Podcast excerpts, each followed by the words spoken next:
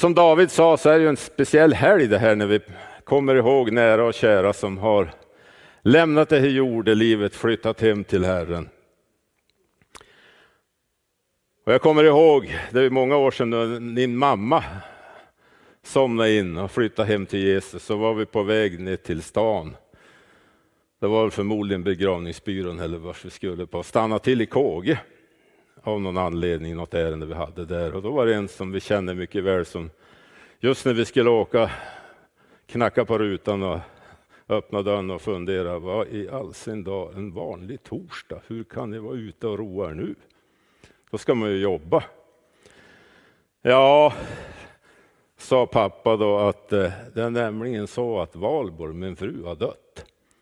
Och då märkte man ju på den här personen, och det kanske ni säkert också har upplevt någon gång, att man önskar man kunde spela tillbaka det man har sagt. att Ja, ja, ja, jag ber så mycket om ursäkt och så vidare. Ja, men så, det är ingen fara. Det, det är ju en vanlig dag idag, så att du har en viss fog i det du säger. Men då sa pappa så här att eh, kom ihåg en sak.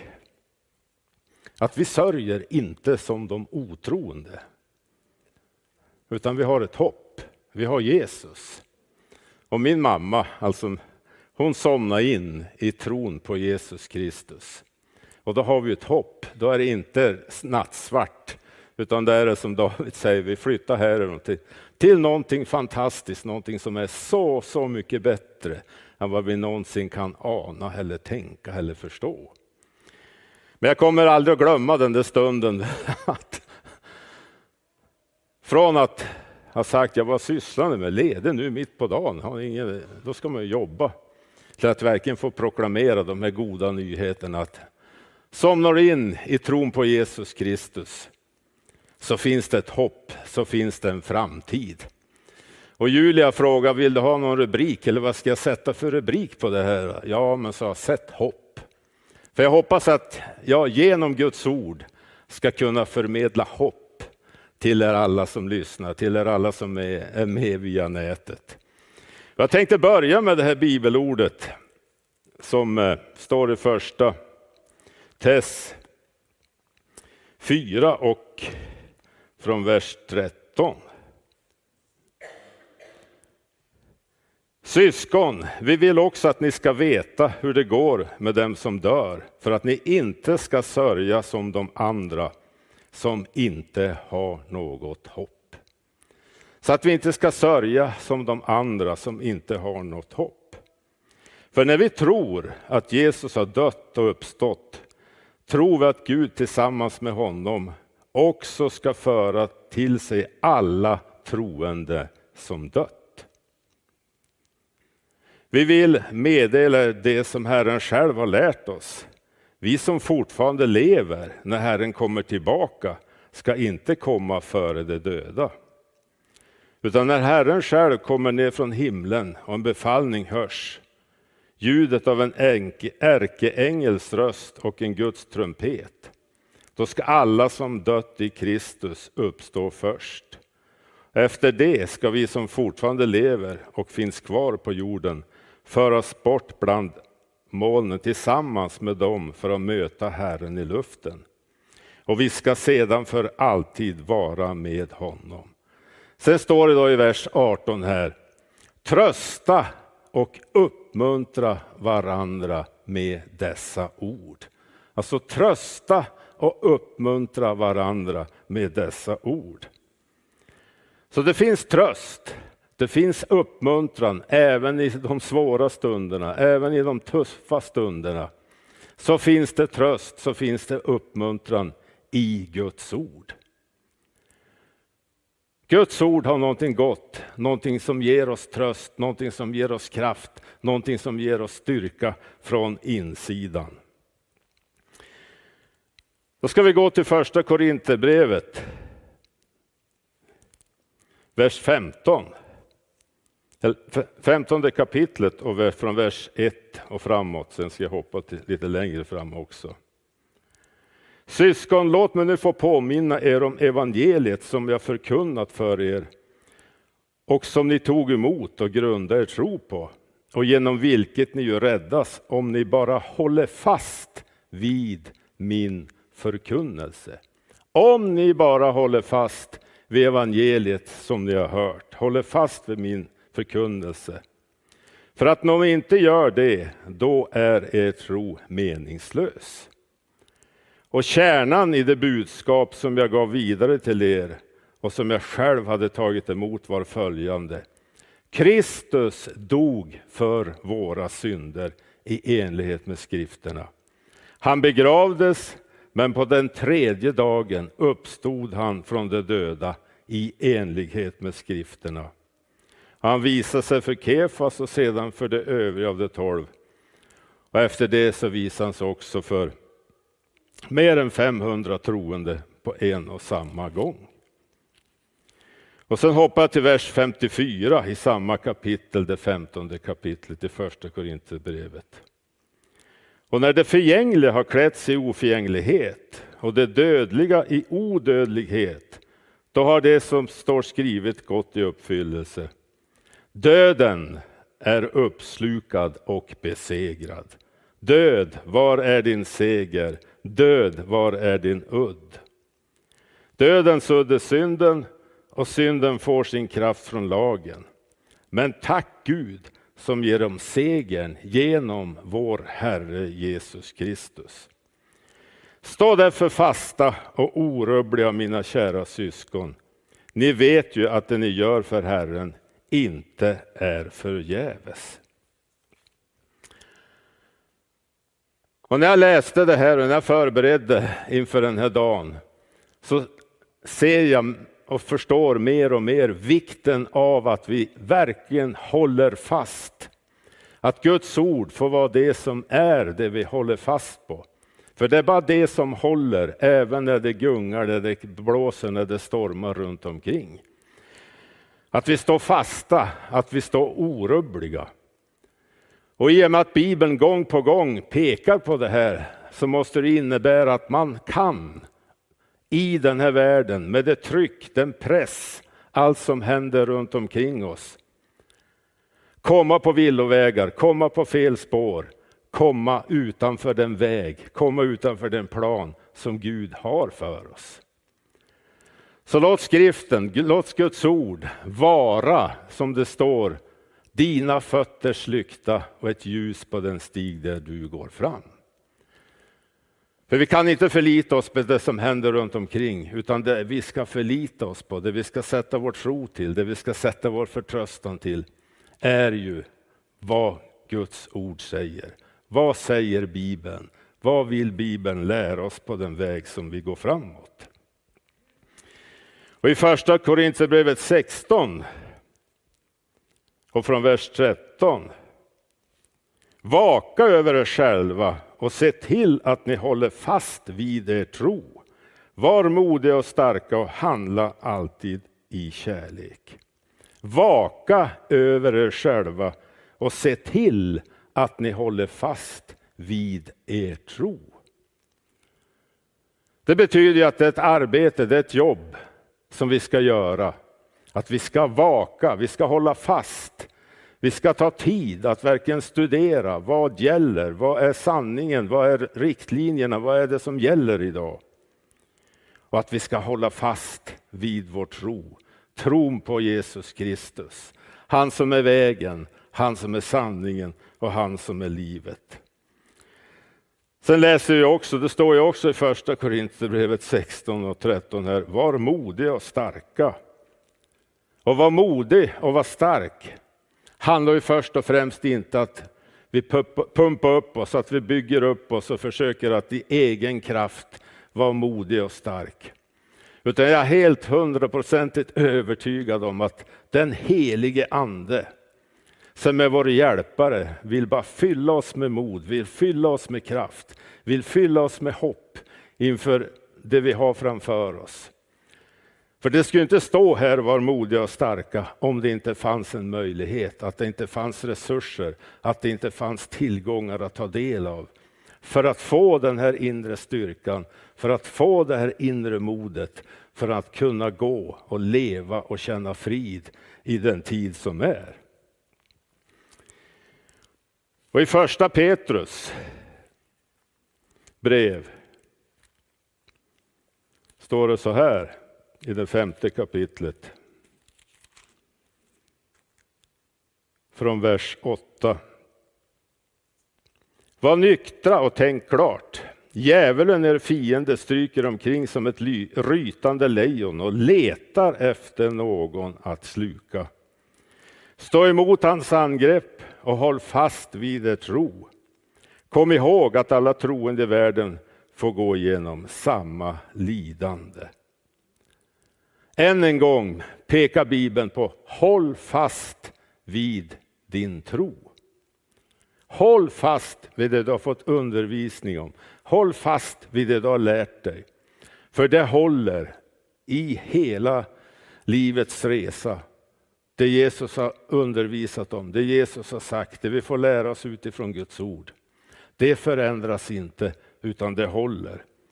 Och varför kommer det? Det finns mycket mera bibelställen man skulle kunna ta i precis samma riktning, i precis samma linje att hålla fast. Så måste det betyda att vi lever i ett tryck, vi lever i en press där man kan halka av, där man kan gå vilse. Och uppmaningen till oss alla, uppmaningen till mig, uppmaningen till dig är ju det att håll fast vid Jesus Kristus. Håll fast vid Jesus. Håll fast vid Jesus, även om det för stunden ser ut som det är ett nederlag.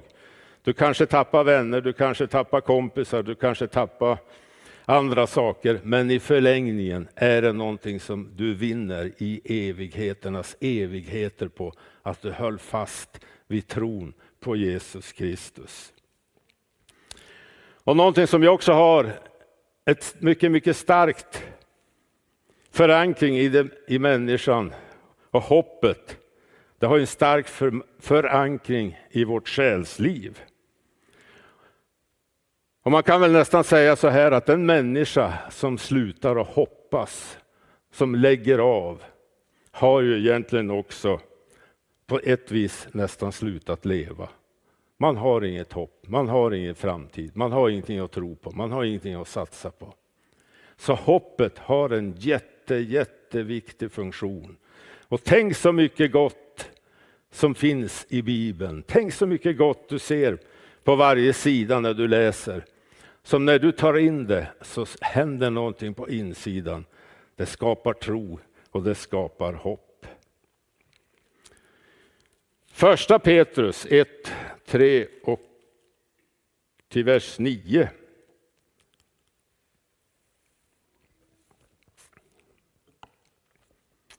Välsignade vår Gud, vår Herre Jesu Kristi Fader. I sin stora barmhärtighet lät han oss födas på nytt till ett, vadå? Ett levande hopp.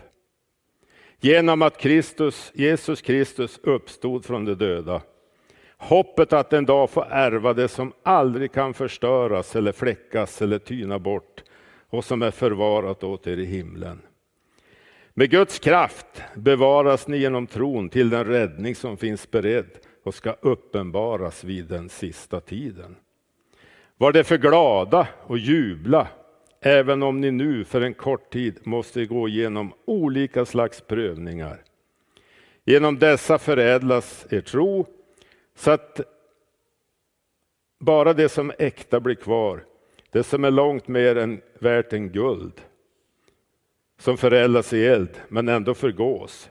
Det blir det som blir till lov och pris och ära när Jesus Kristus uppenbarar sig. Ni älskar honom fast ni inte har sett honom och fastän ni ännu inte ser honom tror ni på honom och jublar och fylls av en obeskrivlig härlig glädje. Eftersom ni snart ska nå målet för er tro, räddningen för era liv. Så vers 6 säger här, var glada och jubla, även om ni för en kort, sti, kort tid måste utstå prövningar, lidande, svårigheter. Så vet vi att om vi håller fast vid Jesus Kristus, om vi håller fast vid vad han har gjort på korset för oss, där han tog all synd, all sjukdom, all smärta. Om vi håller fast med det, även om det är tuffa tider, för det är en kort tid, sen kommer vi igenom. Och jag tror att den glädjen som vi har genom Jesus Kristus på insidan, den står också pall även om trycket utifrån ökar. Men det är så viktigt att vi hämtar glädjen, hämtar inspirationen, hämtar det utifrån vad Bibeln säger. Att alla Guds löften har fått sitt ja och amen genom Jesus Kristus. Att det får vara det som vi fäster våra ögon för. För att vi är på väg, som det står här, att nå målet för tro, räddningen för våra liv. Att vi får en dag, som David sa, flytta hem till himlen, möta Jesus, möta de nära och kära som har gått före oss. Jag skrev så här på det här första Petrus 1, 3 och 9. De troende är födda till ett levande hopp genom Jesu Kristi uppståndelse från de döda. Ett nytestamentligt hoppet rymmer flera moment. Förväntan och förhoppning. Tänk att vi får ha en förväntan. Vi får ha en förhoppning på någonting som ligger framför. Ungefär som barnen framåt jul här, de kan ju nästan inte sova för de har sån förväntan. Vad kommer att hända på julafton? De har en sån enorm förväntan. Och vi får en förväntan, vi får en förhoppning på att Jesus Kristus kommer tillbaka. Och har du sagt ditt ja, har du sagt ditt ja till Jesus, då kommer du också att med glädje den dagen lyfta dina händer och prisa konungarnas konungarnas Herre som kommer för att hämta oss igen. Och sen med avseende på framtiden också en tillitsfull förtröstan och tålamod under väntetiden. Jag tror att det är jätteviktigt att vi har tålamod, tålamod, att vi håller ut, att vi har förväntan och att vi har tålamod och förhoppning och förtröstan under väntetiden. För Jesus kommer att komma och jag tror att, det har man ju sagt det i massor och massor med år, men som det ser ut och som världsläget är så kan det ju inte vara så, så, så långt borta. Dag och stund är ingen som vet, men tidstecknen visar att Jesu återkomst är förmodligen inte så det är jätte, jättelätt, jättelångt borta. Sen tänkte jag ta med er till Romarbrevet, det femtonde kapitlet. För det kristna hoppet har ju sin grund i det profetiska ordet. Då står det så här ifrån vers 4 i det femtonde kapitlet. Allt som skrivet förut står där för att undervisa oss, för att vi genom uthållighet och tröst från skriften ska kunna hålla fast vid hoppet. För att vi genom uthållighet och tröst från skriften ska hålla fast vid hoppet. Och det säger ju mig att när dagarna är dåliga, när dagarna är tunga, när dåliga, dagarna är jobbiga.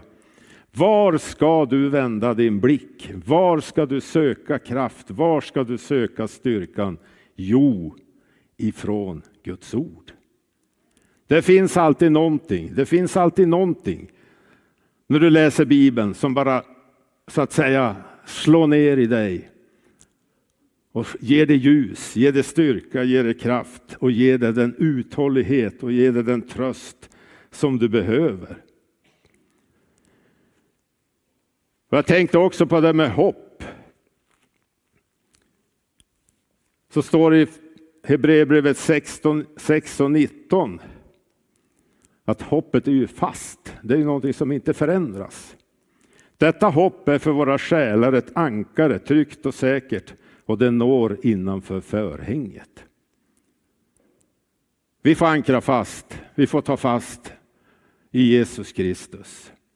Han står för evigt fast och att vi får sätta vårt hopp, vi får sätta vår tro till Jesus. Sen skrev vi upp första Petrus 1 och 3. Ett levande hopp. Välsignad är Gud, vår Herre Jesus Kristus fader. I sin stora barmhärtighet lät han oss föda på nytt till ett levande hopp genom att Jesus Kristus uppstod från de döda. Tänk att du har ett levande hopp i Jesus Kristus. Det lever. Det är inte någonting som dör och försvinner, utan det finns ett levande hopp genom att Jesus Kristus uppstod från de döda. Sen från andra Tess 2.16. Må vår Herre Jesus Kristus själv och Gud, vår Fader som älskar oss och i sin nåd har gett oss evig tröst och ett säkert hopp.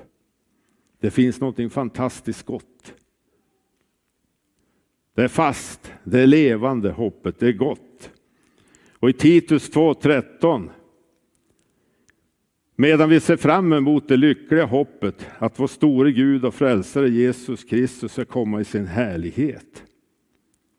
Så får vi ha hopp, ett saligt hopp. Att Jesus Kristus kommer tillbaka. Han kommer att hämta alla som har sagt sitt ja till Jesus. Och när man läser det här, när man ser det här och när man studerar Bibeln så tänker jag så här att vara utan Gud är ju egentligen liktydigt med att vara utan hopp. Man försöker så gott man kan i egen kraft. Man försöker så gott man kan det den här världen har att erbjuda. Men det håller inte. Utan det finns ett hopp som håller och det är fästa sina ögon. Det är att säga ja till Jesus Kristus. Efesierbrevet 2 talar om det här från vers 12 och 13.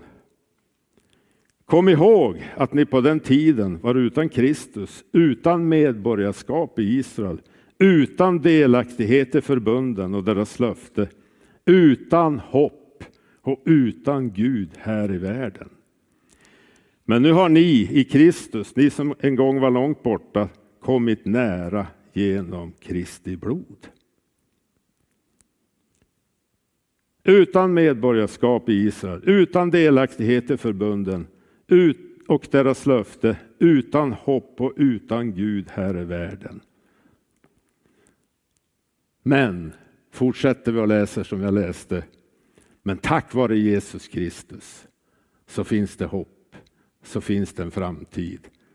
Så du som en gång, vi som en gång var långt borta, har nu kommit nära i och genom Kristi blod. Jag ska gå till Hebreerbrevet, det tionde kapitlet, vers 19 till 23.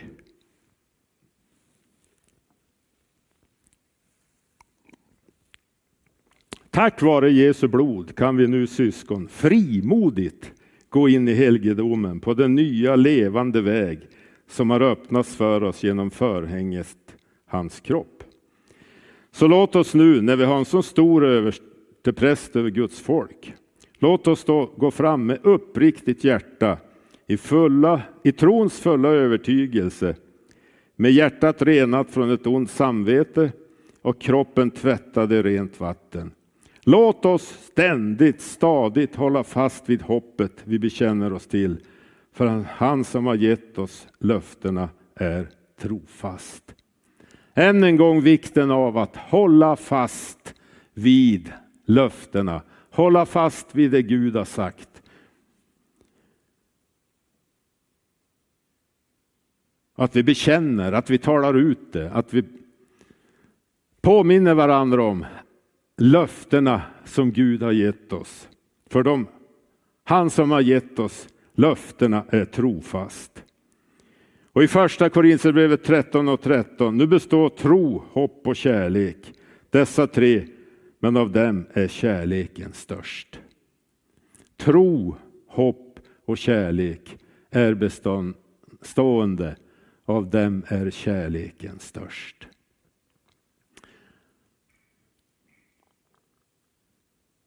Jag tänker i de tider som vi lever i nu, hur viktigt det är att vi verkligen inte fastnar in på ett fel. Man ska naturligtvis ska man vara medveten om det som händer så vi kan be. Men samtidigt så får vi inte låta det så att säga välla över oss så att modet faller, hoppet faller, tron faller. Man kanske nästan inte kan sova därför att det är så mycket negativt som händer. Utan att man balanserar det med att vi tar tid med att läsa utifrån Guds ord.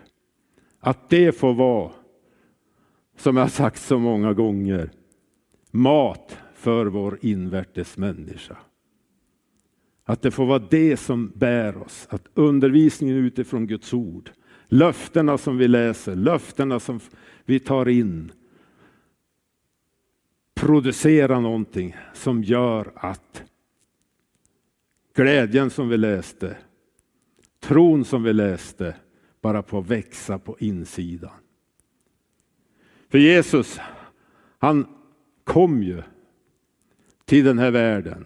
Ty så älskade Gud världen att han utgav sin enfödde son. Och Jesus, eller Gud älskar världen så att han gav Jesus. Och han gav inte eller han gav Jesus till människorna i världen.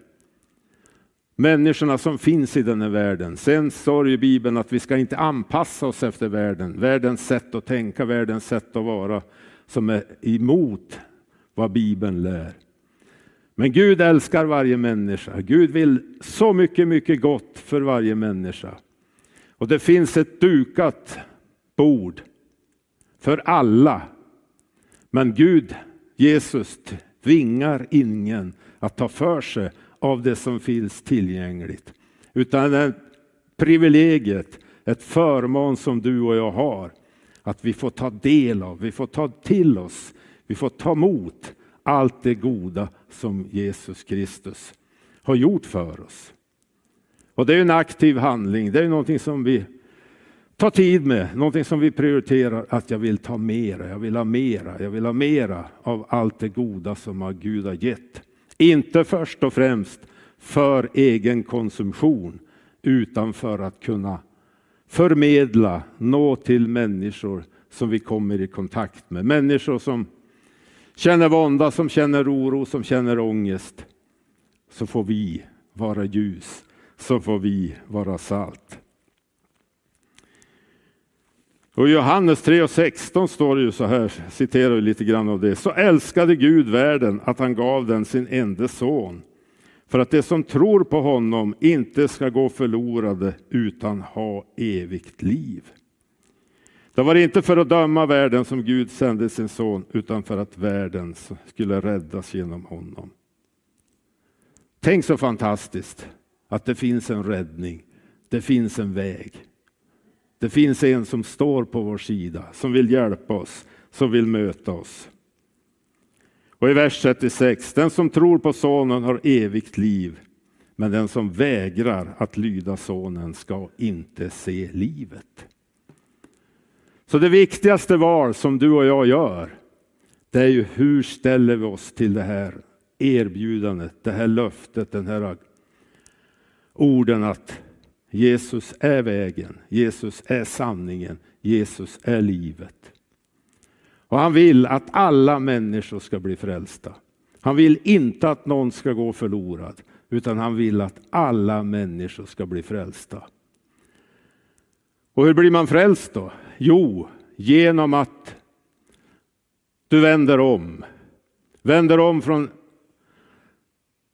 som det står i Bibeln, omvändelse, du vänder om. Synden ska inte längre få vara den som tar tag i dig, som du följer, den som du leds av, utan du vänder om till Jesus Kristus. För att det står där, om vi bekänner våra synder så är Gud trofast och rättfärdig så att han förlåter oss våra synder och renar oss från all orättfärdighet.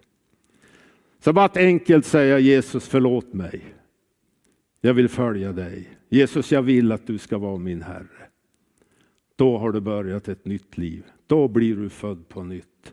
Då blir du en ny skapelse i Kristus Jesus.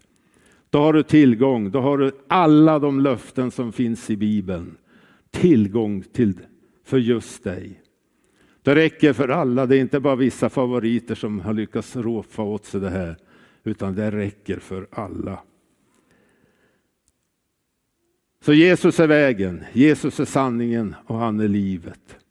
Och som jag börjar med det här bibelordet som min pappa tog fram där att vi sörjer inte som de inte har något hopp, utan vi sörjer för vi vet att vi har ett hopp. Naturligtvis finns det en jordisk sorg, det finns en naturlig sorg. Men innerst inne så vet vi att vi är på väg till någonting mycket, mycket bättre. Så jag hoppas att ingen som lyssnar, ingen som hör det här missar att säga sitt ja till Jesus Kristus.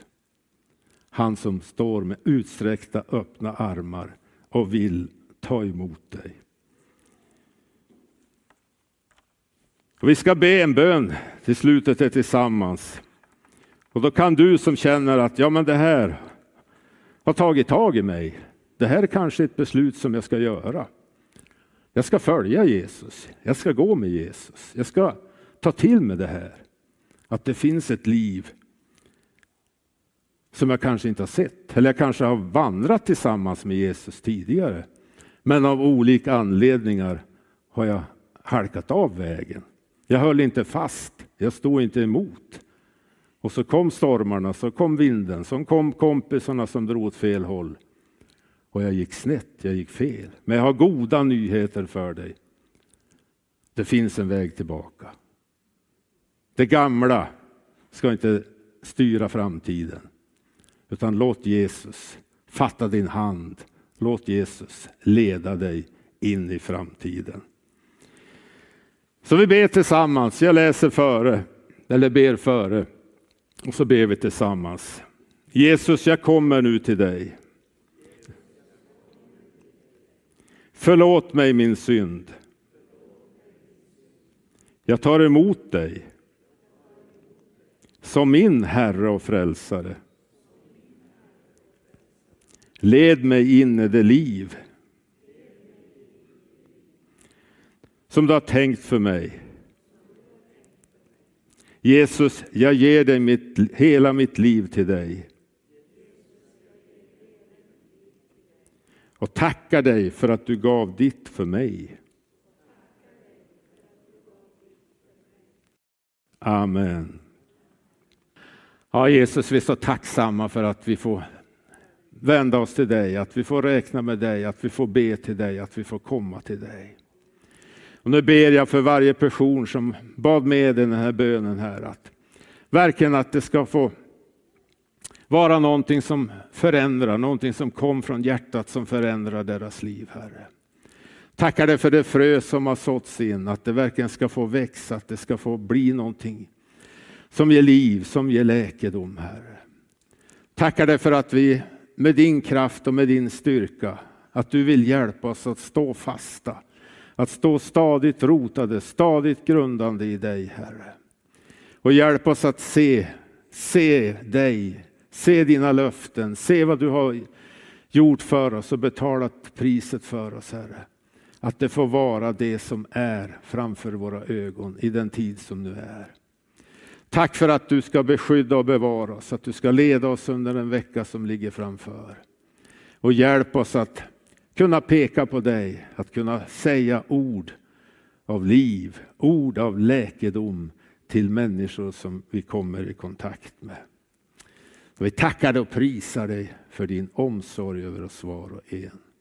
I Jesu namn. Amen.